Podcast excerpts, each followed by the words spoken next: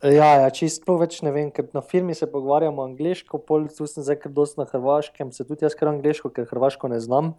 Sem še vedno ta generacija, ko vem, sem svalil to hrvaščino in bolj vse posod mešam med Slovenijo, Hrvaško, Londonom, sploh ne več nič jasno. Dobro, ok, akcija. Akcija. Met in čaj, podcast o medijih, dobrih in slabih praksah, novih tehnologijah in trendih prihodnosti je spet tukaj, številka 61. Gostitelja sva Nataša Briški, Metina Lista in Aljaš Pengov Bitenc, Radio Chaos. Aljaš, zdravo.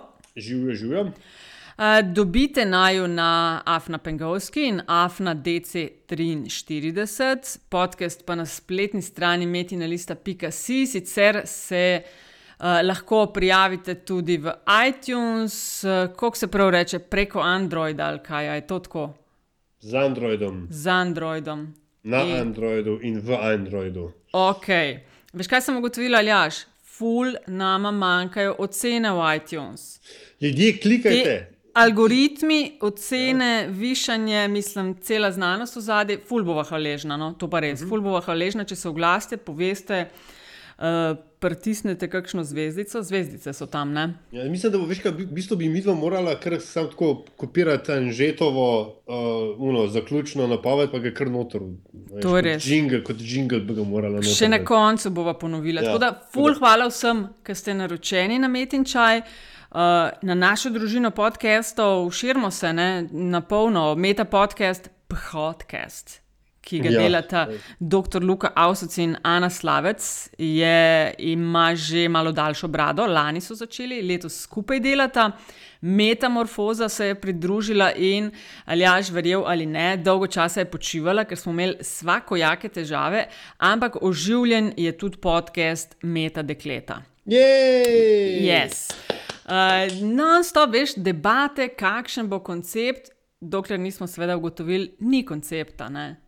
Koncept je, da ni koncepta. Vzemi mikrofon, pa snime. E, tako, ja, in kdo bi, nekako v tem e, kontekstu. Jaz predlagam, da se mi posvetimo najmenu današnjemu gostu, ki e, bo pogovor, namreč, ne, se mi zdi, e, mečkam bolj um, tehničen, upam, pa predvsem zelo um, tak, dal bo v pogled v prihodnost se mi zdi za marsikoga, čeprav za, je za najnega gosta in za ljudi, s katerimi on dela in ki delajo z njim, v bistvu to že sedanjost. Ja, Robert Farazin živijo. Ja, pozdravljeno. CPO podjetja TV Beat, CPO pomeni. Uh, da sem produkt officer. CPO. Ja. Okay. Ukvarjate se, tvoja, vaša firma TV Beat, se ukvarja z merjenjem gledanosti. Eh, televizije v realnem času. Mm, oglašujete se kot nova generacija eh, TV analitike. Dej, prosim, sam mal najprej povej o sebi, eh, kako si prišel do TV bita, pa gremo pol dalje. Okay. Ja, in sicer. Um... Čisto na kratko o, o meni, jaz sem sicer slovenec, sem iz Maribora in uh, zadnjih uh, sedem let že no, se ukvarjam z podjetništvom. Uh, Um, skupaj z, z različnimi dansko ustanovitelji smo ustanovili par podjetij z mešanimi uspehi. Uh, nekatera podjetja poslujejo še danes, nekatera so že zaprla svoje vrata, in, in uh, nekatera smo v bistvu prodali uspešno, z katerimi smo se preselili, z enim smo se preselili v, v ZDA. Tako da sem preživel tudi uh, štiri leta med, med New Yorkom in San Franciscom z mojim prejšnjim podjetjem. Dejansko, Lepo ve, kje je bilo to prejšnje podjetje. Uh, moje prejšnje podjetje je bilo podjetje Double Recall. Okay. Uh, in uh, z, njim, v bistvu z njim smo se preselili v Ameriko pred parimi leti, um, zdaj bo mislim, da tega že več kot pet let. In uh, imeli smo zelo velike ambicije, kaj narediti v ZDA. Uh, mislim, da smo imeli kar dober timing, imeli smo in sicer razvili smo tehnologijo za komplementarni uh, način plačevanja spletnih medijev, ne, ki je pereča tema, mm. mogoče še tudi danes, verjetno, še, še je. Ne. Mi smo takrat imeli en uh, mal drugačen pristop. Takrat se je zelo dosti govorilo o tem, da bodo pač ljudje plačevali za vsebine, uh, in so dal, uh, takrat so se pojavili neki sistemi, kjer se jim je reklo pač paywall. Uh, in uh, takrat si prišel na spletno stran, si videl tisti paywall, si mogel plačati vem, en dolar ali pa deset dolarjev na mesec in si lahko dostopal recimo do Financial Times, New York Times in tako naprej. No, mi, smo, mi smo razmišljali malo drugače na podlagi analiz, ki smo jih videli z nekaterih medijev, kaj se je zgodilo, ko so štartali te strani. Ne? smo, smo, oziroma so začeli uh, zračunavati za, za dostop do teh strani, smo z, z kolegi uh, naredili sistem, kjer pa se je dejansko prišel na spletno stran. Si tudi videl, recimo, vem, enak uh, odstotek članka kot pri, pri, pri prejšnjem modelu, ampak namesto tega, da, da si mogel plačati, smo ti mi rekli, da moraš v bistvu prebrati glas in prepisati del vsebine. Ne? In logika je bila zelo, zelo simpla. Pač smo še te logike, da če si pač neko stvar, če jo prepišeš, jo pač bolj zapomniš. Ne? In rekel, prvi začetki so bili zelo dobri. No? Oglas je vedno zelo dobro deloval, ampak smo imeli zelo recimo, različne težave med, med Slovenijo in ZDA. V Sloveniji recimo, smo zelo, veliko, zelo hitro dobili spletne medije, zelo hitro so se pridružili temu projektu, ampak smo imeli malo večje težave dejansko zapolniti inventorij, ker tega res bo veliko. Ne? Če kaj to pomeni zapolniti inventorij? Zapolniti inventorij pomeni, da recimo mi smo imeli, zdaj bom dal čisto en primer. Mi smo recimo imeli na dan vem, milijon prostih mest za oglas, okay? Okay. ne vem, lahko smo jih pa zapolnili mogoče samo par procentov. Vse ostalo pa pač ni, ni bilo dovolj glasov. Ne? Zdaj v Sloveniji dobiti glase ni tako enostavno, ne? veliko delo se še vedno zgodi po pač nekih prijateljskih vezah, oziroma potem, da so pač neki sistemi povezani med seboj in tako naprej. In, ampak to nas ni motilo. Mi smo hoteli samo Slovenijo videti, niti nam nikoli ni bil cilj ostati v Sloveniji. Ne? Slovenija uh -huh. nam je vedno bil kot trg, da testiramo, ali bo ljudje to delali. Ne? In kaj se je zgodilo, je, da po mesecu, pa pol sicer ni bilo, bo rekel, seveda, vsem to všeč in tako naprej. Uh, pa tudi po forumih so se bunili in tako naprej. Ampak kaj smo opazili, da po mesecu popolne je 70% ljudi, ki je ta glas videlo, ne, oglas prepisalo. Tudi če takrat, ko recimo mi nismo imeli eh, zapolnjenega inventorija, ne, okay. takrat smo davali not, dali not nekatera druga sporočila, takšna, ne, pač sami smo nekaj sporočila dali, tako da ljudje so še vedno mogli, mi smo še vedno navajali na ta sistem. Ne. In, in je 70% ljudi prepisalo glas, ne, kar, kar, kar, kar se nam je zdelo zelo veliko, in potem, ko smo se preselili pa v ZDA. Ne, Um, smo pa imeli čisto drugačno težavo. Ne? Tam pa je bila težava obratna. Sicer tam smo pa dobili zelo veliko uh, oglasov, budžetov zelo veliko. tam so te agencije zelo hitro hotele to probati, zelo hitro so našle budžet, zato zdo, se jim je to delo zanimivo. Ampak smo imeli večjo težavo pridobiti inventorje. Tukaj, torej, nismo imeli težave za polniti inventorje, ampak smo imeli večjo težavo pridobiti inventorje. In težava je bila ta, da danes nismo mogli pripričati sistemov kot je New York Times, Wall Street Journal in tako naprej. Ne? Da bi dali našo tehnologijo na spletno stran. Ne. Mi smo se potem preselili v New York, smo živeli tam, vem, leto pa pol, pa smo ustrajali, pa jih probali a, prepričati, a, pa kazati rezultate, ampak rezultati Slovenije jih niso zanimali, medtem ko po ZDA pa nismo dobili primerne strani za to. Robert, prosti, čemu to pripisuješ? Namreč ta Double Recall je bil dejansko tak ne ime zameriti, ampak v oči bijoč novum ne, v, v, v slovenskem. Vse mislim, če vas je temu bilo tudi namenjen, ja, ja. da, da, da, je, da je zauzel prominentno pozicijo na, na, na spletni strani in, in temu. Uh, ampak um, po eni strani ne, je, je za slovenskega uporabnika spleta velja, da je navaden vse dobiti za ston. Na? Po drugi strani pa naj bi američani veljali za tiste, ki so pripravljeni dober servis plačati. In zdaj pa zgodba, ki mi ti razlagaš, ki nam jo tudi razlagaš tu, pa je ravno obratna. Uh, ja, zdaj, američani so res, da američani so pripravljeni za več stvari hitreje plačati. Ne? Ampak z, kaj se je zgodilo z novicami? Ne? Da novice so postale tako kako naj rečem. Pač toliko, toliko jih je, da so postale so tako normalne za nas, da jih pač nočemo več plačati. Ne. Novice, recimo, zelo malo ljudi plačuje. Rekel, je, je razlika med rekel, nekimi nišnimi industrijami ali pa nišnimi časopisi. Recimo, ne vem, ne vem, Financial Times recimo, ima zelo, okay, kar pravijo, vsaj no, uspešen uh, finančni model. Mm. Medtem ko recimo New York Times, ne, sicer govorijo, da ne vem, naredijo ne vem koliko pač prometa, ampak, ampak še vedno, ne, ko se to primerja, kot so imeli včasih oglaševalskega revenua, ali pa če to primerjajo k staremu modelu, ko so ljudje kupovali časopis, so še zelo daleč od tega. Ne. Tako da dejansko pač kaj se je zgodilo s tem, s tem da smo ljudje začeli res kot. Uh, glavni vir informacij med internet, smo tudi za novice, očitno nismo več pripravljeni plačati. Ne? In zdaj, mi, mi v Ameriki nismo imeli problema s tem, da ljudje ne bi želeli vtipovati uh, double recall. Mi smo v Ameriki imeli težavo, recimo, prepričati sam Wall Street Journal ali pa Financial Times, da bi dal naš sistem gor. Ne? Zdaj, ko so oni pač gledali naš sistem, uh, ko so pač primerjali številke, ne? kaj njih najbolj skrbelo, ne? in ta, ta zadeva je bila meni zelo zanimiva. Ne? njih je skrbelo pač, kakšen bo user experience uporabnika, mm. ampak na drugi strani so pa imeli paywall. Ne? Ker vse statistike Paywalla kažejo, da je bounce rate 99,9% na, na Paywallu. Uh, time, out, time out za tiste, ki ne obvladajo terminologije. Bounce rate je. Ja, bounce rate je, ko človek pride na spletno stran in zapusti takoj. Uh mhm. -huh. in, in, in, in recimo, primer, ne, se jim mogoče tudi, če recimo dobite, kdaj je Financial Times link. Ne, to je zelo zanimiv link. Recimo, Včasih ga mi kakšen kolega pošlje, ne, mi pošlje, gledaj, preberi si ta članek Financial Times. Ne, In zdaj, recimo, po letu pa pol, ne, malo več, no, sploh več ne klikam na tisti link. Ne. Zaradi tega, ker vem, da vedno, ko bom kliknil na link, ne, mi bo rekli, da moram plačati za članek. Ampak jaz nisem naročnik Financial Times. Ne. In zdaj za take, take primere, ne, zdaj on meni pošlje link, on si želi, da jaz to preberem. Ko jaz naslednjič rekel, gledaj, ne pošiljam teh linkov, zato ker tako ne morem prebrati, ker pač nisem naročnik, se bo on počutil malo čudno. Ne. Jaz pa bom tudi malo frustriran, ker nisem mogel prebrati. Tako, za takšne kase, ki jih je pa več kot 20%, pa to raste, ker se ljudje vedno bolj širijo na social medije in, in, in, in, in na e-mailu. Za, za te kase smo mi pa želeli, ne, da bi na mestu tega on dali pa, pa double recall. Zakaj, zakaj bi se zgodil takrat? Jaz bi pač prišel na spletno stran, jaz bi prepisal tisti double recall. Uh, in s tem, ko bi jaz prepisal double recall, bi spletni medij zaslužil 20-30 centov. Ko to primerjaš, da je 70% ljudi ne, prepisali to, ne, To pomeni, da na ceno, recimo, rečemo 30 centov, ki bi jih on dobil, to pomeni tam nekje 200 dolarjev CPM. Zdaj mi pa naj pove ena spletna stran, ki doseže 200 dolarski CPM.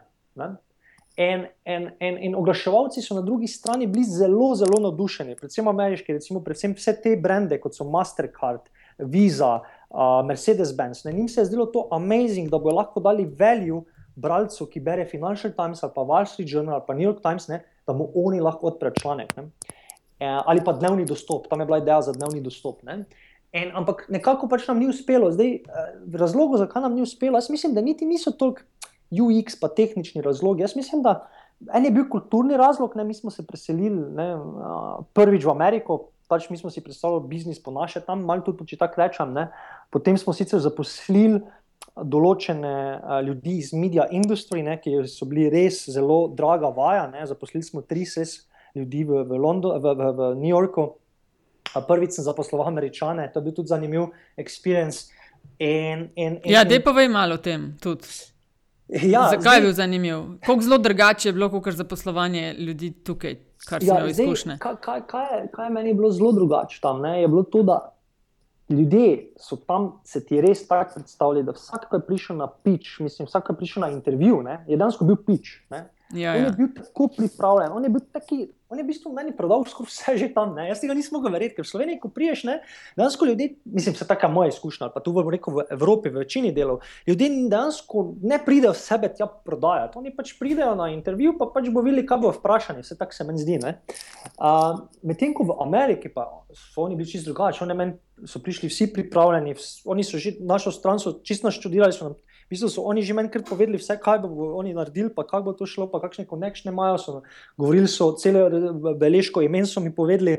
In dejansko, ko sem to prvi zaslal, sem mislil, okay, mislim, to, to bo neverjetno. Ne? Uh, pol, se, pol, pa, pol seveda tudi za, zelo dragi so bili ti ljudje, ne? to moram reči, zelo za nas, recimo, ko se nisem predstavljal, ampak pol, ko sem dejansko videl, da so vse enake cene, ko smo se pogovarjali z, z, z ostalimi podjetji, pač iz, um, temi startupi smo pač povedali, da takšne so cene v New Yorku in, in potem smo pač šli v to, in, ampak tudi oni niso uspeli prepričati. Ne. In jaz mislim, da, da, da, da recimo, ko pogledam, zakaj WRC ni tako uspel, kot smo si mi želeli v Ameriki, jaz mislim, da je timing je bil zelo dober ne, in to je pri poslu zelo, zelo pomembno. Uh, takrat so vsi pač govorili o tem problemu, ne, tako da mi smo ga reševali na drugačen način, to je bilo zelo vredno. Uh, Medtem ko jaz mislim, da dva glavna razloga sta pa bila to, da pač prva je bila ta kulturna razlika, ne, uh, druga je pa bila pač to, da smo določene ljudi uh, slabo zaposlili. In zaradi tega nismo dobili trekšna v, v New Yorku, ne, ki je glavna medijska, uh, ja, glavni del medijske industrije v Ameriki. In potem se tudi ni našilo to naprej. Jaz verjamem, da če bi mi takrat uspeli s tem v Ameriki, ne, uh, potem bi tudi ostali svetovni mediji to pobrali. Uh, pač moraš spet na enem velikem trgu, to je pa navadi Amerika. In, in potem tudi drugi uh, sledijo temu. No. Ja. Ti, Robert, da povej mi, kako se te pa tebe Amerika uh, prijela, ki pičeš naprej svoje ideje? Ja, zdaj, se te je, ne, je slišati. Ja, ja, ja. Moram reči, da iz tega vidika je, recimo, jaz sem potem, je, ko sem živel v New Yorku, bilo kar drugače kot pa, ko pa recimo Kalifornija, tam San Francisco, Palo Alto, tam pa mislim, da res. Uh, zdaj mi je bilo čisto jasno, no, ko sem preživel kar nekaj časa tam, uh, zakaj se tam rojevajo res ti boljši start-upi. Uh, tam res ljudje v bistvu živijo za to, uh, ljudje so zelo odprti do idej. Takoj, ko imaš eno idejo, takoj hočejo s tabo nadgraditi. Uh, In kar je pa kar, kar malo kontra kot tukaj. Da, uh, ja, iz tega vidika bom rekel, sem bil zelo pozitivne izkušnje in, uh, in še vedno držim stik z, z Ameriko, še vedno uh, si želim enkrat nazaj, vsaj s podjetjem. Uh, in, um, ja, Tako da iz tega vidika bilo super. No, in povej, koliko ste pol od tega Double Recola, uh -huh. uh, koliko si preletel na TV Beat, na to merjenje gledanosti, pa televizije. Ne? Prej si bil ja. bolj, če, te, če te prav razumem, bolj splet časopisi, uh -huh, uh -huh. pol pa televizija. Ja, zdaj, uh, v bistvu, uh, bilo je zelo zanimivo. In sicer uh, mi smo takrat v določenem obdobju iskali. Um, Pač novo idejo. Mi smo, mi smo v Ameriki rezali kar, kar, kar, kar lepo vsoto denarja, ne?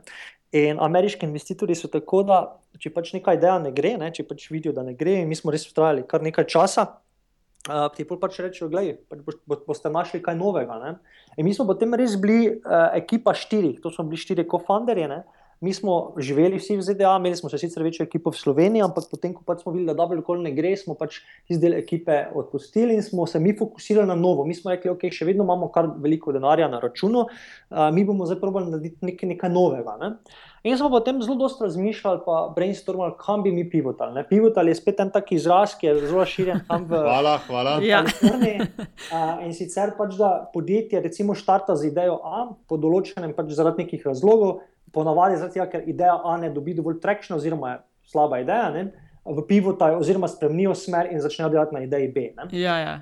In, in no, mi smo potem pivotali in mi smo potem zelo razmišljali, kaj delati, in smo rekel, v šestih mesecih naredili par takih nišnih produktov. Uh, ampak noben se ni prav prijel. Ne? In pol, kaj se je zgodilo, je tudi to, da mi smo bili s temi fanti, ne, mojimi kolegi, uh, sedaj smo bili že dolgo res skupaj. Ne? Mi smo prej delali dva druga startupa, en je bil Matcher, mobilni, uh, Craigslist, ki je bil zelo, zelo pred časom. Mislim, da če bi še ga danes štartali, bi bil pred časom. Uh, mi smo ga štartali sedem let nazaj, potem smo naredili še eno drugo podjetje skupaj, ki smo ga prodali v Francijo. Ne? In potem potem smo šli v to Ameriko in smo vedno šli po stopnicah gor, ne? vedno smo skupaj rasli. In prvič se nam je zgodilo, da ko pač nam ko v Ameriki ni šel, ne? da smo padli mal dol. Uh mhm. -huh. In, in tako smo padli mal dol, jaz mislim, da jaz kot voditelj tima, kot tudi CEO in tako naprej, jaz tudi jaz mislim, da nisem znašel te situacije. Uh, prvič se mi je nekaj zgodilo, da mi ni uspelo. Ne? Oni tudi, verjamem, danes, ko potem so videli, ok. Farazino enkrat nekaj ni uspelo. Ne? In potem se zgodi ta dinamika, da dejansko se mi zdi, da več nisem čutil tega, da bi oni, recimo, za mano skočili z letala. Ne?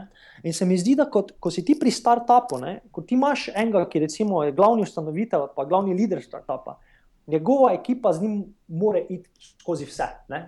In, ampak kaj se zgodi, ne? ko, ko recimo, se parka zgodi, da ekipa z njim res fulpade na nos. Ne? Potem ta ekipa se začne spraševati. Ne?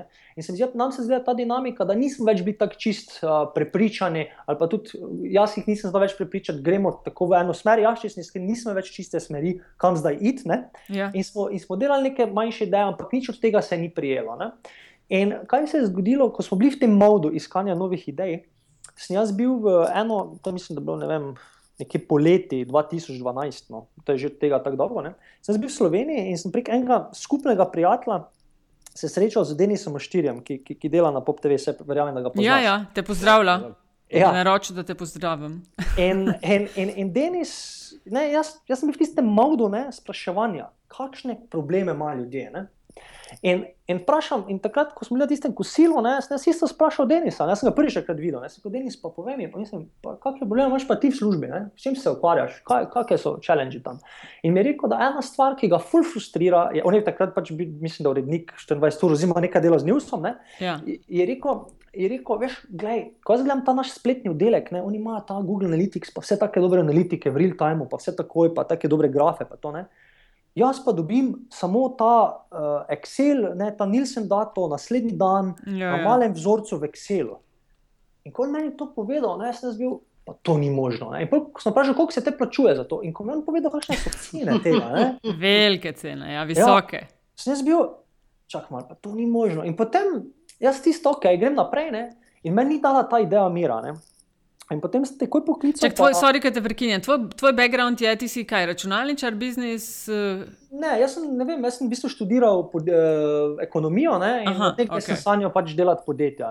Okay, okay. Jaz mislim, da moja naj, naj, rekel, nekak, uh, lastnost, ki, ki, ki vidim, da mi je nekak, najboljša, je ta, da dejansko znam konektati ljudi pa različne stvari skupaj. Nisem jaz specialist, jaz ne znam nič programirati. Uh, tudi uh, pri drugih, recimo, projektnih vodenjih, nisem včasih najboljši in tako naprej. Tako da imam kar dosti minusov. Ne? Ampak se mi zdi, pa povežem pa ljudi, pa različne ideje skupne in to, to, to najrajši tudi počnem. Ne? No in takrat, ne, ko on meni to povedal, ne, sem se tako razmišljal, ok. In sem poklical kolega, uh, ki sem ga spoznal, pa takrat, ko sem bil študent pri 20, sem jaz uh, delal v enem podjetju v Sloveniji, ki je takrat ravno štartal, to je bil Tušmobil in jaz sem bil študent tam. Uh, in ker sem hotel videti, v bistvu, zakaj je takrat Tušmobil tako uspešen. Ne? Enkrat sem se hotel naučiti za svoje podjetje in, in sem prišel tja in takrat sem se srečal pa prvič, tako bom rekel, res z tehničnim podjetjem. Ja. In, in takrat tu smo bili tudi ponujati televizijo. In, in jaz pokličem enega mojega kolega, ki je pa takrat vodil televizijo na Tušmobilu. In sem rekel, gledaj, veš, če, če imaš ti podatke, ko ljudje gledajo televizijo prek to digitalno televizijo, prek seta boxov, a so ti podatki kje na voljo? In rekel, ja, mi mislim. Pač vse se to vidi, ne? vsakeč, ko spremeniš program, se vse to vidi. Ne? In sem rekel, pa kaj se s temi podatki zgodi? Če rekel, ja, no, je rekel, gledaj, zbrišamo jih, kaj pa naj z njimi delamo. In, in to mi je bilo zanimivo. Ne? Na eni strani imam človeka, Denisa, ki, ki bi to imel, ki je pripravljen za to plačati, na drugi strani imam pa človeka, ki to briše. Ja. In zdaj, vse, kar sem jaz pač mogel narediti, jaz sem mogel se postaviti v sredini. Ne? Pa, pa dejansko biti translator med njima, ker dva se ne razumeta, ne? sta v drugih biznisih, en drugega ne zanimata. In zdaj, če se jaz postavim vmes, lahko naredim mogoče dober biznis. Vse to je v bistvu osnova vsega. Ne? Pač nekaj moraš ugotoviti uh, te zadeve in se postaviti vmes. In, in, in jaz sem šel celi navdušen s to idejo nazaj v ZDA, ne? sem jo pičal takrat tako. Bivšim uh, co-founderjem, pičal sem takrat bivšim investitorjem. Čak ti nisi takrat imel ti si imel idejo, naredil si svoj pitch, ga zvadil, šel v Ameriko in to je bilo to. Nisi si imel ekipo že takrat. Ne, ne, ne. Jaz sem še vedno bil del ekipe Double Recall. Jaz sem okay. pač. Smo takrat vsi spraševali okoli ljudi za ideje, ker smo še vedno iskali skupaj idejo. Ja. E, in pač tako sem tudi jaz spraševal, in pač sem šel nazaj s to idejo. Ne? Pač imel sem malo mali research, pa sem seveda tako iskal o Nilsenu, jaz prej nisem poznal podjetja Nilsen. Ja, ja, AGB, ne. Ja, in potem sem jaz to vse pogledal, sem videl, kak je trg, kakšni so challenge po svetu, da to nisem v Sloveniji tak in tako naprej. Ne. In, in potem sem šel celo duše nazaj v Ameriko. Ne. Jaz se dobim tam z, z co-founderji, se pogovarjamo, njim ste zvela spet pa težka ideja, pa se je res ne rečem, da je lahko izvestne. Uh, so rekli, da smo bili v neki težki industriji, investitorjem je bilo vseeno, vsake ga si vi se odločili, kaj želite. In ok, mi smo potem, in jaz sem potem tisto idejo imel sicer nekje v mislih, ne? ampak nisem je pa še izvajal. Ne? No, potem pa, pa, pa smo še bili z onimi bivšimi kofondi nekaj časa skupaj, ampak potem več res smo bili tista. Tam smo nekaj delali, ampak ni bilo več prav tako, sem rekel, jaz nisem več bil pravi voditelj, tudi sam se nisem tako počutil. In, in potem smo se rašli. Potem sem zapustil podjetje, ne Double Recall, uh, in ga je drugi moj kofondor začel voditi naprej. In, uh, in jaz mislim, da je to bila ena najboljših potez, da smo se rašli. Z, z dveh razlogov. Uh, jaz sem pač začel delati nekaj drugega, po drugi strani pa ostali smo kolegi. E, ker če bi še bili, recimo, šest mesecev skupaj, bi mogoče prišlo vse skupaj. Ne? In jaz mislim, da je to zelo pomembno. No? Ker, uh, in zdaj delamo tudi vsi, ne? od vseh nas štirih, vsak dela to, kar si nekako res želel. Da, uh, no, smo to naredili in potem sem šel nazaj v Evropo. In in sem sestavil ekipo uh, dveh inženirjev, s njima rekel, da nam je naredila prototip. Če bo ta naredila prototip, uh, bosta postala moja kofondarja. In uh, jaz sem jim narisal wireframe, so naredili prototip, in potem smo s tem prototipom, to je bilo marca 2013. Ne?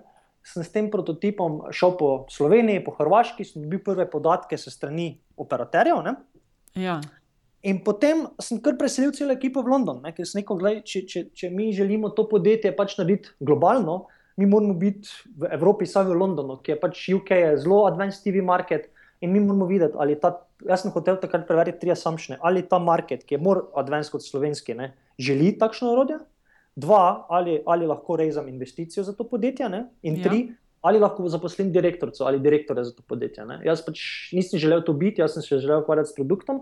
In potem smo šli v Anglijo, dva, po leti 2013, tam sem potem do konca uh, leta uh, našel investitorje, s katerimi smo rezali 2,2 milijona takrat. Dolarjev plus. Ko rečeš, uh, za... s katerimi ste rezali, kaj to pomeni? To je ja, neka štajerska fora.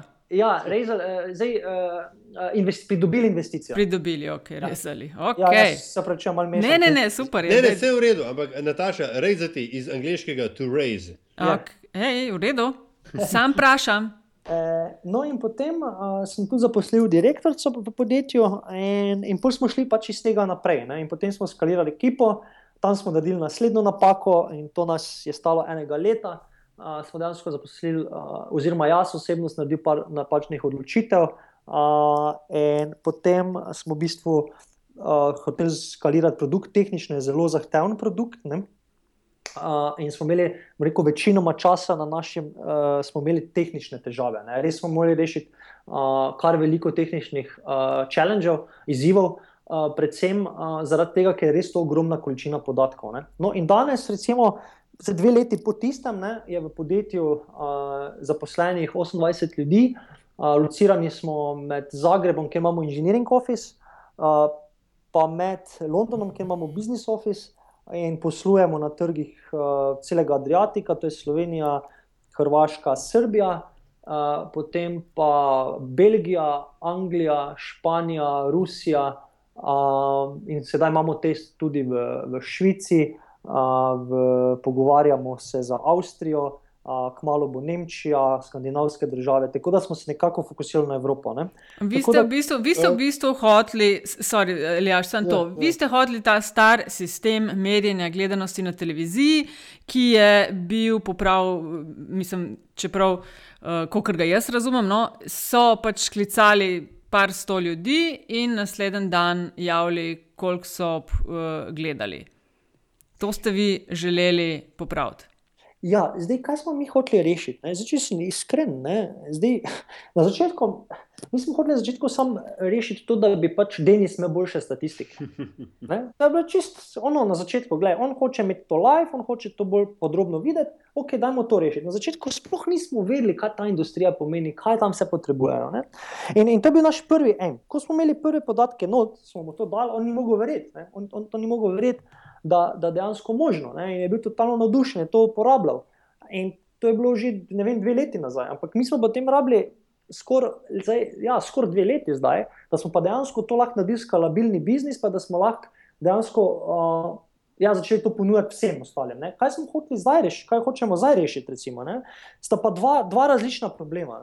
Zdaj, prvi problem je, in to je naš glavni fokus. Ne? Naš glavni fokus je, da dobimo v čim več državah podatke. Okay? Torej, v prvem fazi se mi ukvarjamo samo s podjetji, kot so recimo TV operaterji, to so podjetja kot so vem, Slovenije, Telemach, Telekom, a, potem recimo Deutsche Telekom, Telekom Avstrija, to so ponudniki te televizije. Uh, to so naše prve stranke. In potem, ko v bistvu mi dobimo te njihove podatke, mi te podatke pač obdelujemo, te vse ful, uh, fully anonimizirano, torej popolnoma anonimizirano. In potem te podatke oni imajo za content negotiation, za, uh, za uh, uh, pogajanje, za content, pro, uh, za providerje contenta. Ja? Malo mi je težko. Ne, ne, vse v redu, sem jaz sem tist, ja. za tiste rezal, sem jaz tu, kat, mislim, da govoriš, da to mi ni bilo ja. jasno, to je res valjda. Ja, skratka, ja, za ponudnike osebin, za producente. Ja, ja, ajde, šibaj. Ja. Tako da v prvi fazi mi to ponujamo uh, v bistvu tem ponudnikom televizije, ne, uh, uh, operaterjem za njihovo optimizacijo njihovega posla, in potem v drugi fazi, kaj se pa zgodi, ko imamo mi te podatke na voljo, ne, pa jih potem ponudimo tudi na trgu, ne, ki je spet malo drugačen dataset. Ta dataset mi potem uh, agregiramo čez vse op op operaterje, recimo vem, na Hrvaškem imamo Deutsche Telekom, Telekom Avstrije, pa Iskon, to so trije konkurenti na trgu, in potem mi to združimo v dataset, ki se mu reče Hrvaška, in ta Hrvaška potem prodajamo pa. TV kanalom. Ne. TV kanali pa si tudi lahko s tem izboljša kar veliko stvari, lahko vidijo dosti bolj natančno, kako ljudje spremljajo njihov kontent, ne samo na linear, ampak tudi na, na live TV, na, ja, na linear TV, ampak tudi na, na timeshift. Ne? To je ta. Ja, ja, ja. on demand. Ja, ja z zamikom, ta, ja. to, je, to zelo raste in tega recimo Nilsen ne meri. Ne? Potem na vseh napravah mi to merimo. Uh, potem recimo nimamo um, uh, zero rating issue, to je, uh, da recimo mi ne kažemo, da kanali niso gledani, ne? pri nas so vsi kanali gledani. Ne? Zato, ker recimo primer, za primerjavo na Hrvaškem, recimo mi vzamemo, uh, gledamo, merimo gledanost na 600 tisoč gospodinstvih, mm. v real time, torej v živo, jaz zdaj vidim, kako nekdo spremeni ekran neko gospodinstvo, uh, medtem ko recimo uradno. Pa je merjeno to z 800, sam. ne tisočimi, ampak 800. Ja, ja, da, to, da, da, to, da to zdaj damo v, v primer, ne, recimo Radio Chaos, ki je mislim na kanalu 175 T2. -ja. Uh, uh -huh. vi, bi ga TV bit bi ga zaznal, medtem ko pač Nilsen ga seveda ne zazna. Ne? Tudi recimo. Ja, recimo. Okay, zdaj pa, ja, kar izvoli.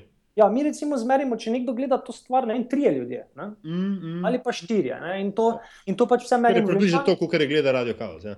ja. Ne, in, in potem imamo dejansko tudi uh, pač taki uh, spletni dostop do našega analitičnega orodja, kot je Google Analytics, ne, in res prinašamo v bistvu televiziji analitiko, ki je danes no, nekaj normalnega v digitalnem svetu. Mm. In zdaj, ja, tako da to, to sta dva koraka, ki jih delamo. Vizija, seveda, ni ostati v tem vizija niti ni zamenjati Nilsena, to bi jaz zelo, zelo podaril. Mi se tu sploh ne želimo tekmovati z njimi, ne, mi smo komplementarno orodje njemu. Naša vizija je dejansko. V bistvu postati uh, at exchange. Ja, okay, vas... Ampak, glej, uh, uh, če se jaz kot naročnik, ne, zdaj eden od pač, rekel, potencialnih naročnikov, ki si jih omenil, če, ko, ko se seveda odločam, ali me tvoja ne, nova tako rekoč, market disruptiv storitev zanima, ne bom seveda primerjal z rezultati, ki jih do zdaj dobivam, recimo od mhm. Nilsena. In a, a, a so bili, zdaj, namreč, Umenil si Denisa, uh, ki je bil navdušen nad tem, kar je dobival in to delno uporabljal. Ali uh, so bili ti rezultati pomembno drugačni od tistega, kar je Nilsen ven dajal, ali so se, bom rekel, prekrivali v točkah, kjer so se lahko? Zdaj, uh, čisto generalno povem. Za generalno trend je zelo podoben. Uh, pač, ja, trend je zelo podoben pri kanalih. Uh, kaj, kje, kje je razlika? Največja je to, da seveda mi pokažemo za long tail kanale, uh, nišne kanale, če se tako izrazim, ja, ja. da jih nekdo gleda. Ne? Zdaj, če, če pogledate, če primerjate podatke med nami za nišne, pa, pa med, med recimo, primer Nilsena, mi skoraj ne morete primerjati, zato, ker Nilsen jih ne kaže, tam je skupina ostalo. Ne? Ki je -hmm. vedno večja, včasih dosega že, ne vem, mislim, ne morem reči, ne, ne bi rad tega rekel, no pač zelo velik odstotek vse gledanosti, mi pa seveda kažemo za vsak kanal. Ne. Zdaj imamo potem tudi podatke, ki jih uradni karnci nima, ne, recimo uradni merilec, ne. tako je time shift, uh, torej za zamikom, druge naprave, mi vse to merimo. Ne. Tako da trendi so enaki na glavnih kanalih, uh, medtem ko pa mi ponujamo še podatke, ki jih pa druge ni mogoče dobiti. Ne, ne, podtekst mojega vprašanja je bil zelo zloben ne, in sicer, kako zelo uh, vaš pristop um, vznemirja, da tako rečem, obstoječe naveze, uh, naroč, se pravi, zakupnikov medijskega prostora, zaročnikov oglasov in pa seveda oglaševalcev samih in pa seveda medijev samih, ne, ker uh, uh, Nilsen je uh, benchmark. In, in če ti rečeš, da imam tok in tok gledanost po Nilsnu, in se vsi, vsi se nekako razumemo, vsi razumemo, o, če, o čem govorimo. Um, in in uh, verjamem, da veš, so to vendarle neki približki, ki so statistično relevantni, ampak vendarle, kako zelo recimo, bi lahko TV bit ali pa kako zelo TV bit je vplival na prerazdelitev, pa če tudi drobtinic oglaševalskega kolača? Ja, jaz mislim, da TV bit na to še ni vplival in TV bit niti ne želi direktno na to vplivati.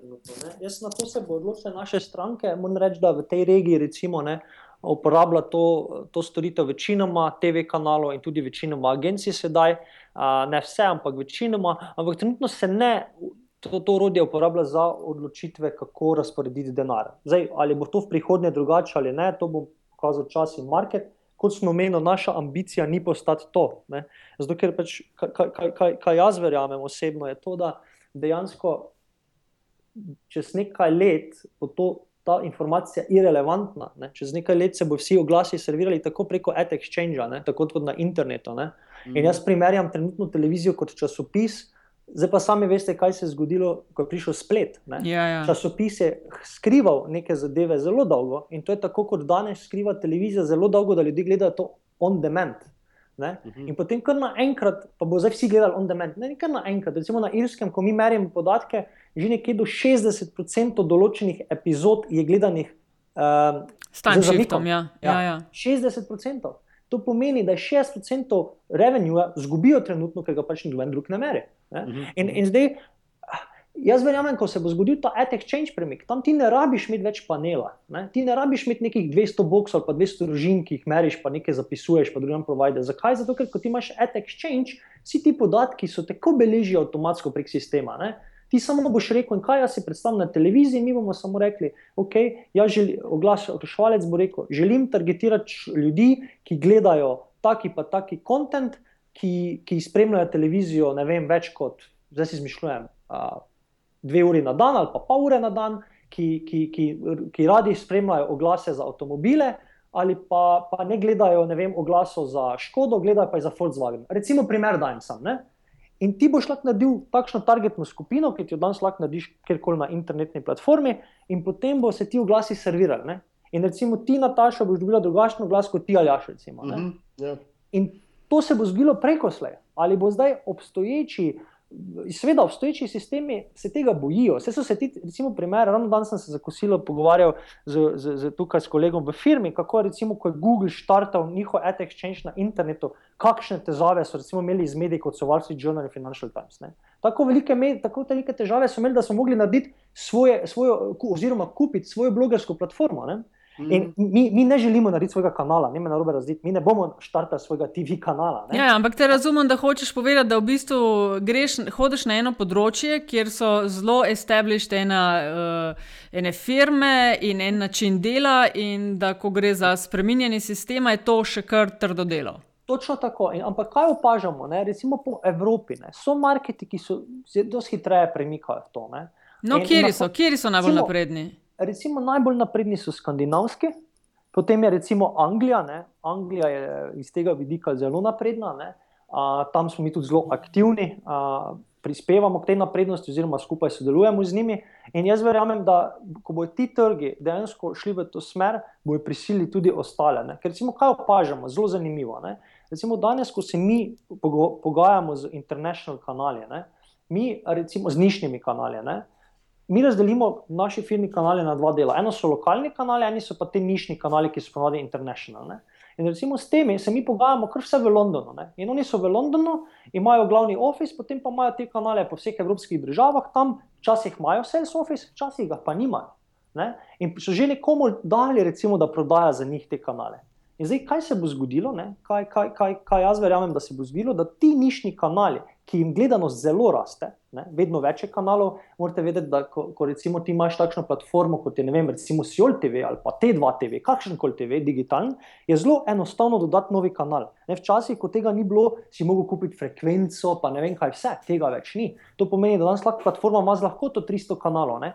In, in za nas je to zelo dobro, zato ker se razdrobi gledanost, to pomeni tudi boljše za, za, za, za, za, za, za iTexchange. Na drugi strani pa, ko mi naredimo deal, recimo v, v Londonu za ta kanal, oni želijo, da ga mi prikazujemo v vseh državah. Ne? In ti kanali bodo prvi kanali, ki bodo stopili na vagon iTexchange.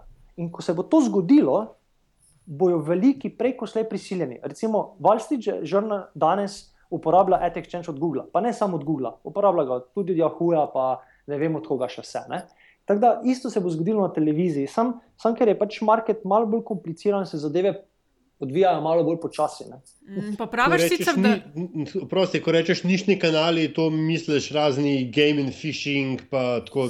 Ja, ta, pa tudi take, zelo. Ja, ali pa recimo Fox, Discovery, Ja, Nagio. tako, tako, In ti tako. kanali, ne, ko jih pogledaš, ne, imajo vedno večjo gledanost. Pa Mhm. tudi vedno To je več. res, ja. In To to je tisto, ko, ko, ko recimo se, če pogledate skupino Odr, ne, kako raste. In potem se oni kanali sprašujejo, "E, pa zakaj nam niso na odru skupina, kaj to noč spada. Ja, vedno večja gledanost tukaj noč spada. In to je tista stvar, ki se bo s časoma, se bo tam nekaj moglo zgoditi. Zdaj, kaj je naša prednost pred tem, je ta, ne, da, da mi, da recimo, če Nilsen želi dobiti takšen velik, toliko gospodinstv, kot jih imamo mi, na ta sistem, ki ga oni zdaj delajo, je to nemogoče.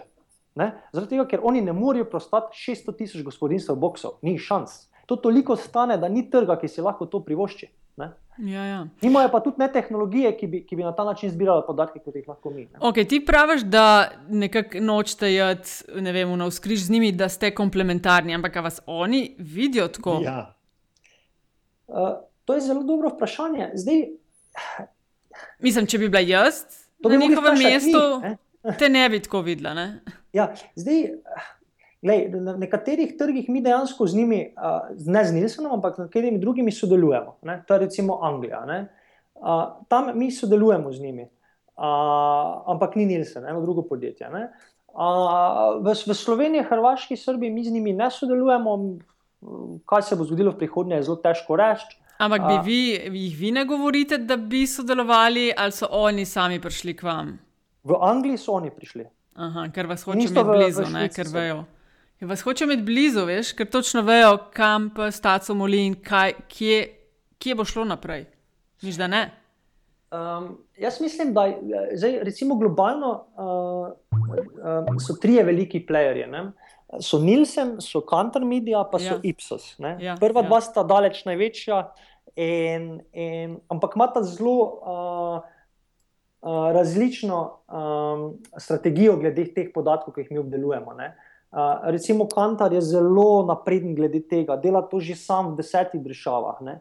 Nilsen na drugi strani je zelo proti temu zaenkrat. In, in zaradi tega, ker v ZDA, recimo, to je njihov glavni trg, ne, tam ustvarijo več kot polovico prihodka za TV audience measurementom, ne, a, tam, tam pač tega nočejo začeti delati, ker ko bo to delali, bodo zrušili, bom rekel, svojo zgodbo, ki jo deset let uporabljajo, ne, to, ki, ki pa je, da te podatki niso uporabljene. Zdaj, na drugi strani v Ameriki se pojavlja zelo konkurenčno podjetje Rentrek, uh, ki je zdaj ravno bil združen z, z, z, z um, enim drugim podjetjem, tudi v Ameriki, zdaj sem pozabil ime. In ta dva podjetja bosta zdaj zelo tekmovala proti Nilsenu. In ona dva uporabljata zelo podobno tehnologijo kot mi. Ne? Tako da bo zelo zanimive stvari se bo zgodile v naslednjih letih. No. Vsekakor mm. televizija bo šla v Etek Exchange, tudi oglaševalci v to smer pritiskajo in spet to pritiskajo velike firme, grupe iz Londona in, in New Yorka, in, in tega ne bomo mogli ustaviti. Ja, Oziroma, ja. Ja. Se pravi, hoče reči, da zmagal bo v bistvu tisti, ki bo ponudil Google Ads oziroma AdSense za televizijo. Da. Edini problem, ki tukaj je, da je market dosti bolj kompliciran kot internet. Mhm. Ja. Ker ni tako odprt. Ne? V vsaki državi imaš nekega gatekeeperja in to je operater. Z njim mm. moraš narediti neki del. Na internetu tega ni. Ne?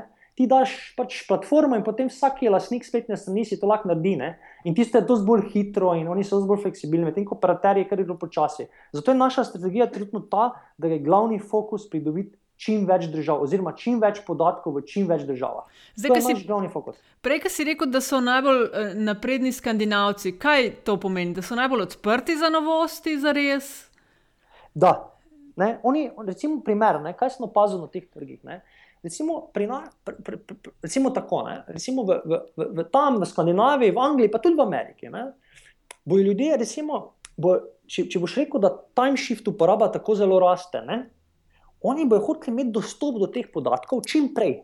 Okay? Ja. Ker bojo hoteli to videti, oni se bojo hoteli, oni tako vejo, da le vsi vemo, da je smer razvoja bo šla v to, da bo čim več timeshifta. ne. Točno to. Ni variante, da gledamo. Točno to. Mislim, da bomo še dolgo gledali ob sedmih zvečer dnevnik, ampak takrat, ko bomo imeli čas in tam je. na, na tisti napravi, kjer bomo hoteli. Točno In tisti, to. bo to dal, bo preživel, kdo ne bo, bo pač. Točno to, Ne to smer gre, to vsi vemo. Ne? Ampak sta pa dve razliki ljudi. Ne? Eni ljudje so, ki hočejo potem se čim prej to naučiti. Oni hočejo potem, v, ko bo se to zgodilo, oni hočejo biti pripravljeni, pa hočejo zmagati. Ne? In to so recimo američani, takšni, angliži, vidim, oni so sicer nekje vmes, ampak vseeno malo bolj napredni. Američani so najboljši v tem, ne? pa skandinavci. Ne? Oni hočejo to razumeti čim prej. Ne? Pol pa imaš, recimo, predvsem bom pa videl, recimo, bom rekel, pa to regijo tukaj, ne? Adriatik, ne? Oni pa, oni pa prvo to vidijo in jih je prvo strah. Oh, šit, zdaj, če se to dogaja, kaj bo mojim obstoječim biznisom? Ne? To je ta, to, to, to, take so različne reakcije. Ne? Torej, on se hoče hitro naučiti, da se bo prilagodil, tukaj ne, pa ono, ojoj, to pa ni vredno, da mi pokažemo, kaj se bo pol zgodilo z našim biznisom. Ne? In, in, in, in to je razlika, med, recimo, kaj sem opazil med Adriatikom in recimo med Ameriko. Zakaj zato- ste, se pa, zakaj ste se pa umaknili iz Slovenije na Hrvaško? E, to sem hotel vprašati, zakaj je Zagreb kot tehnična baza? Ja, ja, to je pa zdaj v bistvu nek splet okoliščin. in Kar vse to- naravnost, povej. Ja, ja, se bom. Uh, zdaj, kaj se je zgodilo, je to, da kot sem prej omenil, mi smo, ko smo eh, pridobili to investicijo, smo, potem, smo se zavedali, da pač moramo na tehnologiji še kar dosti uh, narediti. Ne? In smo imeli res velik tehnical depth. Uh, in, uh, in smo potem uh, zaposlili, mi smo v Ljubljani prvi odprli inženirski office, kjer smo zaposlili skoraj 12 ljudi, mislim, da nas je bilo 12.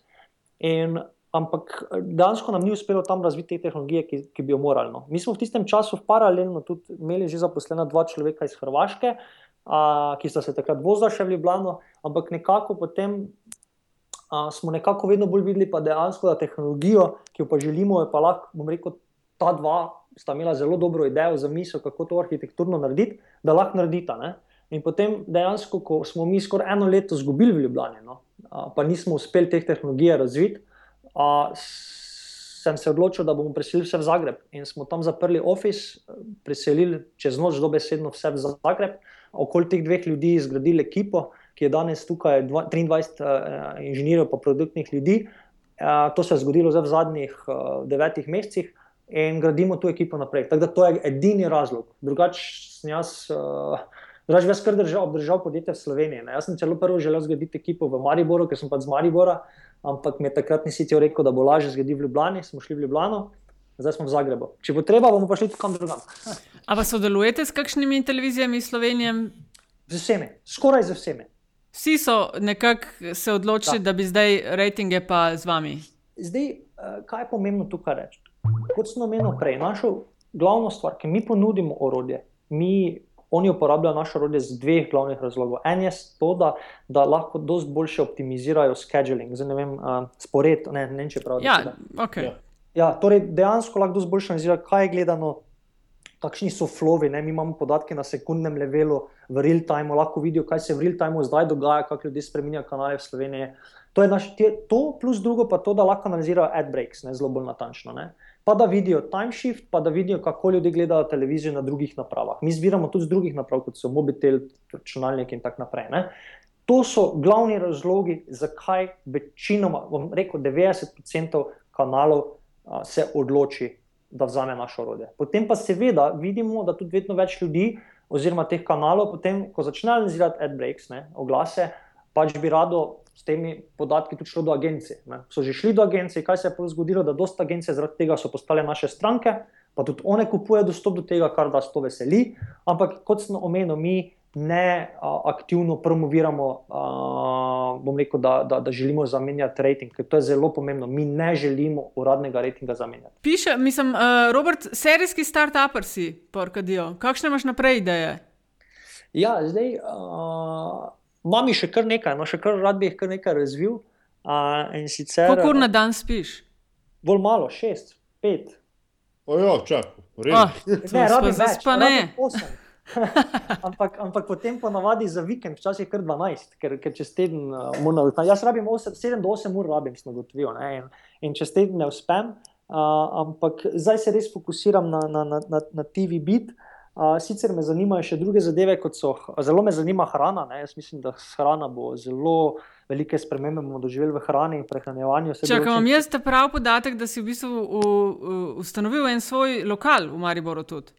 Ja, v bistvu je to čist ideja za enkrat. In sicer je en koncept, ki ga testiramo, v bistvu je operativno in vse to, v bistvu to imamo skupaj z bratom. Ne? Operativno, jaz sem sam investitor, pa idejni vodja, operativno to vodi moj brat. Uh, je pa v bistvu ideja tega, da bi rad naredil. Uh, zanima me, če je možno iz te regije narediti uh, naslednjo verzijo Subwaya, ki bo isto hitra, ah. ampak da bo zdrava. Ne? Rad bi naredil koncept franšize, ki, ki bi delala hitro hrano, uh, ampak zdravo hrano. Ne? Trenutno to testiramo v Mariboru, nekje je to odprto, zdaj, mislim, da tretji mesec. Moram reči, da gre zelo dobro.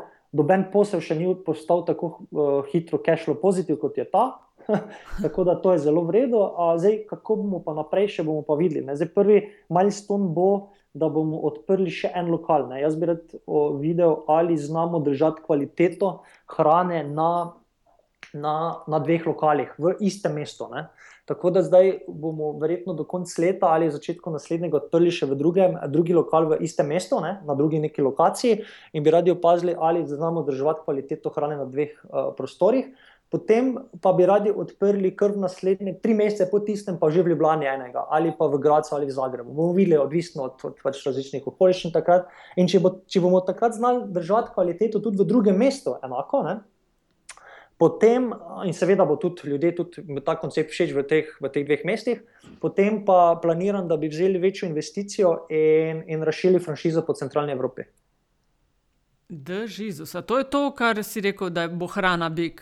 Da to, te stvari hočeš testirati, kaj si imel v mislih? Ja, na splošno se mi zdi, da hrana bo zelo velike spremembe se zgodile v prehranjevanju, v kvalitete hrane. Se že dogajajo. To sem tudi malo opazil v ZDA, ker, ker sem prvič v življenju se srečal z, z zdravo hrano, pa hrano. Ne. V Sloveniji še vedno bila sem hrana, vsaj do sedaj se mi zdi. No. Uh, in, in se mi zdi, da to se bo tudi razširilo še na Evropo in posod druge. In jaz mislim, da se bo zelo veliko spremenilo glede hrane. No. Zdaj, jaz bi samo štartal en en manjši koncept v tej veliki spremembi, to je ta zdrava, hitra hrana.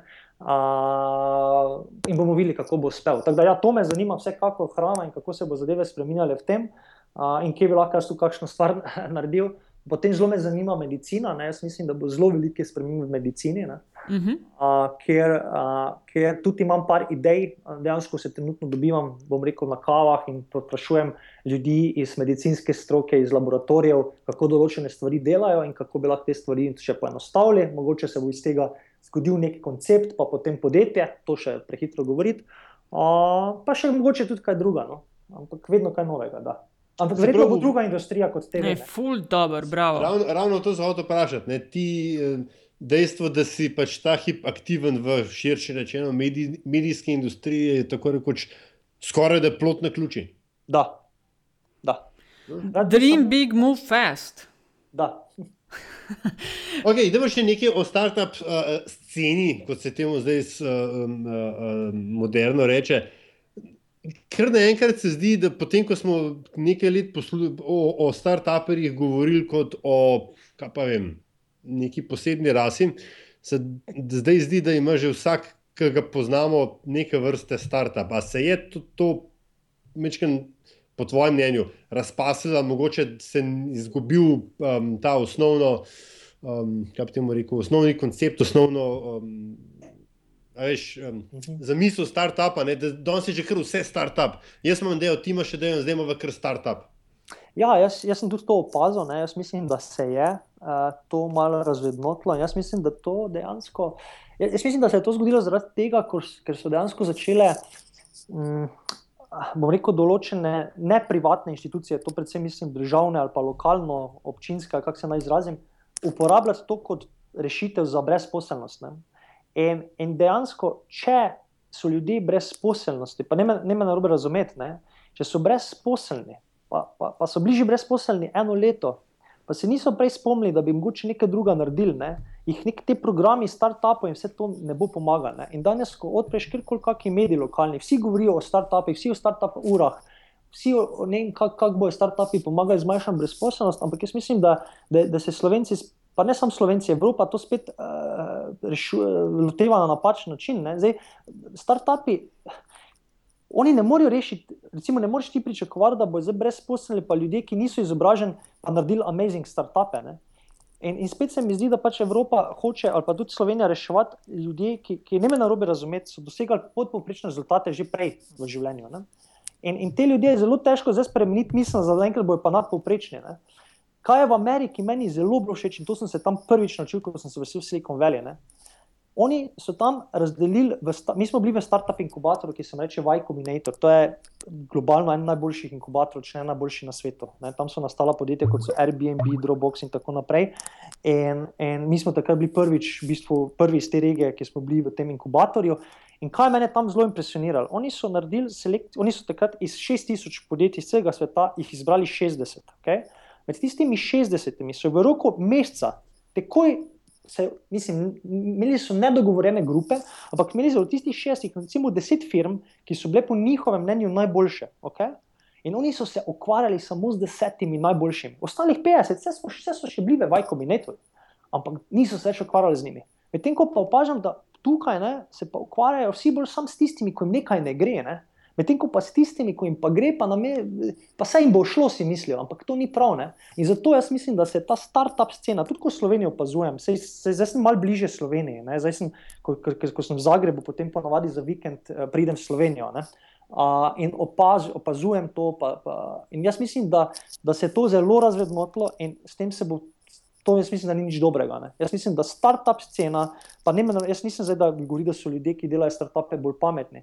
Ampak kaj pa hočem reči, je pa to, da, da podjetja ponavadi se želijo te ljudi, ki so v nekih stvarih tako imajo zelo, zelo dobre veline, ker start-up narediti je toliko faktorjev, da bo šlo na robe, da se veste, da 90% jih propade. Mm -hmm. In zdaj reševati to brezposelnost za start-upi direktno je na robe. Jaz mislim, da je bolje pomagati tistemu, ki je že prišel do 20 zaposlenih, ker on, ko je prišel do 20 zaposlenih, je mogel dati zelo veliko skozi in potem njemu pomaga, da bo prišel do 300.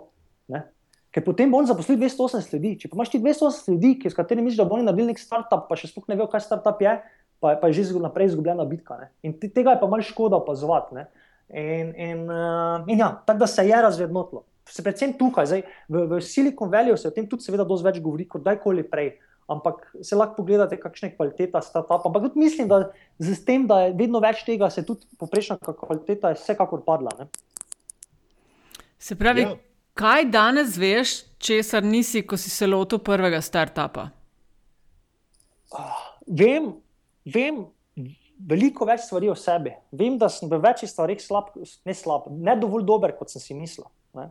Mislil sem, da so stvari dosti bolj enostavne, recimo zaposlovanje, menedžiranje ljudi, organiziranje projektov. To se mi sploh ni zdel problem. Smisel, da to, to sploh ni problem. Zdaj pa, ko vidiš, koliko je vseh teh zadev, ki jih moraš znati, pa jih si boljšati, vidim, da v teh stvarih še moraš vseh ful, ful zrasti. In, uh, ja, zato mislim, da dejansko, ko pogledam vse, te, vse to pot, ki sem do zdaj naredil, ne, uh, mislim, da sem se zelo dosto naučil, zelo veliko v, v, v, v, v, v TV, to res je bil roller coaster, no velik. Ampak uh, zato mislim, da moje največje podjetje še, še ni rodilo, še, sploh še nisem začel, ker še, še moram kar nekaj naučiti, da, da bom ga lahko naredil. Uh, prosti, ker vprašam, koliko si star? Uh, zdaj že 29. Ful, hvala ti. Ali ja, imaš še kakšno greva na zanimivost? Ne, ne, ne, super, super je bilo, absolutno zanimivo. Hotel sem uh, nekaj pametnega, se hotel pripomniti, da vam je vmes, seveda, že ušlo iz glave. Uh, tako da, ja, ne, pač je mogoče res edino to, da ne, mo ne morem, da se ne bi strinjal z vso tvojo, pač bom rekel, oceno in temle. Uh, monologom, ki si ga imel na, na temo startupov, v končni fazi tudi zato, ne, ker na, vedno pol ugotovimo, ne, da imamo dobro idejo, pa se tudi lahko tehnično dobro lotimo, ampak potem, ko je treba delati pa z ljudmi, ne, ko pa stvari ne grejo tako, kot grejo v naši glavi in ko je treba um, narešiti na, na, na terenu, v real life, kot se reče, tam se pa pol v bistvu pokaže, da včasih pa vendarle ne znamo tako zelo, kot smo mislili. Ne, da Ali pa da so mogoče ljudje večji izziv, kot je izziv iskati tehnične rešitve, Robert. A? Vsekakor smo ljudje veliki izziv. Robert, okay, fulti, hvala za vse, blazno poučno, blazno te je uh, bilo dobro poslušati. Uh, Malce sem začutila te Amerike v tebi. Ker točno, jaz sem pač, ko sem gor živela, veliko hodila po raznih ti, konferencah. Tako mehka rata, s čim ne res je. Ja. Amerika malo varila, to, res to, to je prav fajn poslušati. Ampak je res, začutiš to, točno to, ta can do spirit. No? Mislim, to je tisto, kar ti Amerika, ok, neham, ajde. Uh, Robert, ne, ne, ne, povej do konca. Dej, ne, ne bom, ker se boš sam uh, zafrkal iz tega. Super, ne bom. Ne konc, ne bom, drugič. Uh, Robert, uh, ja. Zanimivost. Vsakega, vsakega gosta na koncu vprašava po eni zanimivosti, tell me something I don't know. Seveda je tega veliko, ampak naj bo zelo zanimivo slišati, kaj si se ti odločil, da poveš, kaj želiš uh, deliti s poslušalci in poslušalkami. Ja, zdaj. Uh, se meni je bilo vse skupaj, ne, če sem iskren, je bilo meni vse, vse skupaj že fulena velika zanimivost. Vse, kar si povedal, res je dobro. Eh, zanimivost, ne vem, ena, ena stvar, ki se zdi dosti ljudem no, zanimiva, ko jim povem, mislim, predvsem mojim kolegom oziroma ja, bližnjim, no, je to, da, da, da dejansko si želim uh, imeti kmetijo uh, in se ukvarjati s kmetijstvom. Ne. Uh, zdaj, uh, in to si želim narediti do 30. leta. Ne? Tako da zdaj se mi zdi, da, da, da, da, da točno to. In to tudi, zato vedno tudi to javno povem, ne? ker se spomnim, da ko sem šel v ZDA, so me vprašali, kaj, kot neko podobno, nekaj podobno vprašanje, ne? kaj, kaj si želiš, ne? čez, čez čas, ko boš končal s podjetjem ali pa tako naprej. Ne? In sem si rekel, da si do 30. želim uh, uh, tudi imeti svojo kmetijo uh, in, in do takrat kar prodati vse svoje obstoječe posle. Ne? Zdaj, Uh, bližam se 30. Uh, zdaj, še vedno je čas, da to uspe. Uh, in zato tudi vedno to javno povem zanimivost, ker to me potem dodatni reminder, uh, da, da, da, da, da, da še vedno sem bil na tem treku. No? Pa da imam tudi neki taki zunanji prešer, da, da, da, da, da, da, še, da se res tega ne vdam ne, pri tem. Ker sem videl, da dosta ljudi si pač neko stvar reče, ampak potem se krv da pa pozabijo. No, jaz pa reči tudi publik, povem, da vsi vejo, pa nam še kdaj vprašajo, kaj je tvoja kmetija. Ok, kdaj te moramo cukati za rokav? Februara 20. Okay. No, jaz ti samo to povem, eh, da se ne boš preveč sekiral. Definitivno si v tem v zvezi pogledaj sceno iz filma uh, City Slickers z Billyjem Kristalom, uh, bolj na začetku, ko on pride v uh, šolo svojega sina razlagati o kaj počne in uh, zakaj je tako str. Da, da se ne boš sekiral preveč. Okay. Tudi po 21. februarja, samo to. Okay, hvala. Okay, ej, Robert, fulti hvala za tale pogovor. Eh, dej povej še, kje te lahko folk dobi online, če bi te želeli uh, kontaktirati. Zdaj na Twitterju si afna rf45. Ne? Da. Okay, naprej. Uh, tvbit je tvbit.com. Da, drugače pa na robert.farazin, afna gmail.com. Ok, uh, Aljaš, še ti kaj želiš dodati? Uh, ne, to je to, razen, uh, razen tega, da ti uh, čestitam za vsem in želim veliko uspeha naprej. Ja, se pridružujem, res. Wow. Ja, hvala vam in hvala za čas. Ok, in mi dva še poveva to, kar moramo povedati, ocene v iTunes. Ja. Ne? ja, to je to. Skratka, ja, hvala, ker ste bili z nami. Uh, ne pozabite uh, zvezdic dajati toliko, koliko vam jih se zdi vredno dati. Uh, ker potem bodo um, mehki hrčki pri Apple, pa pri Google, pa pri kjerkoli že vse uh, naredili svoje in bodo potem porinili metin list, metin čaj in druge, tudi podcaste metin list. In bo Robert še več ljudi slišal, ker je čim tako. več ljudi more to slišati, Robert, kar si ti danes povedal. Fulti hvala, hvala vsem, ki ste poslušali. Uh, to je to. Evo. Hvala. Čau. Hvala. Dio.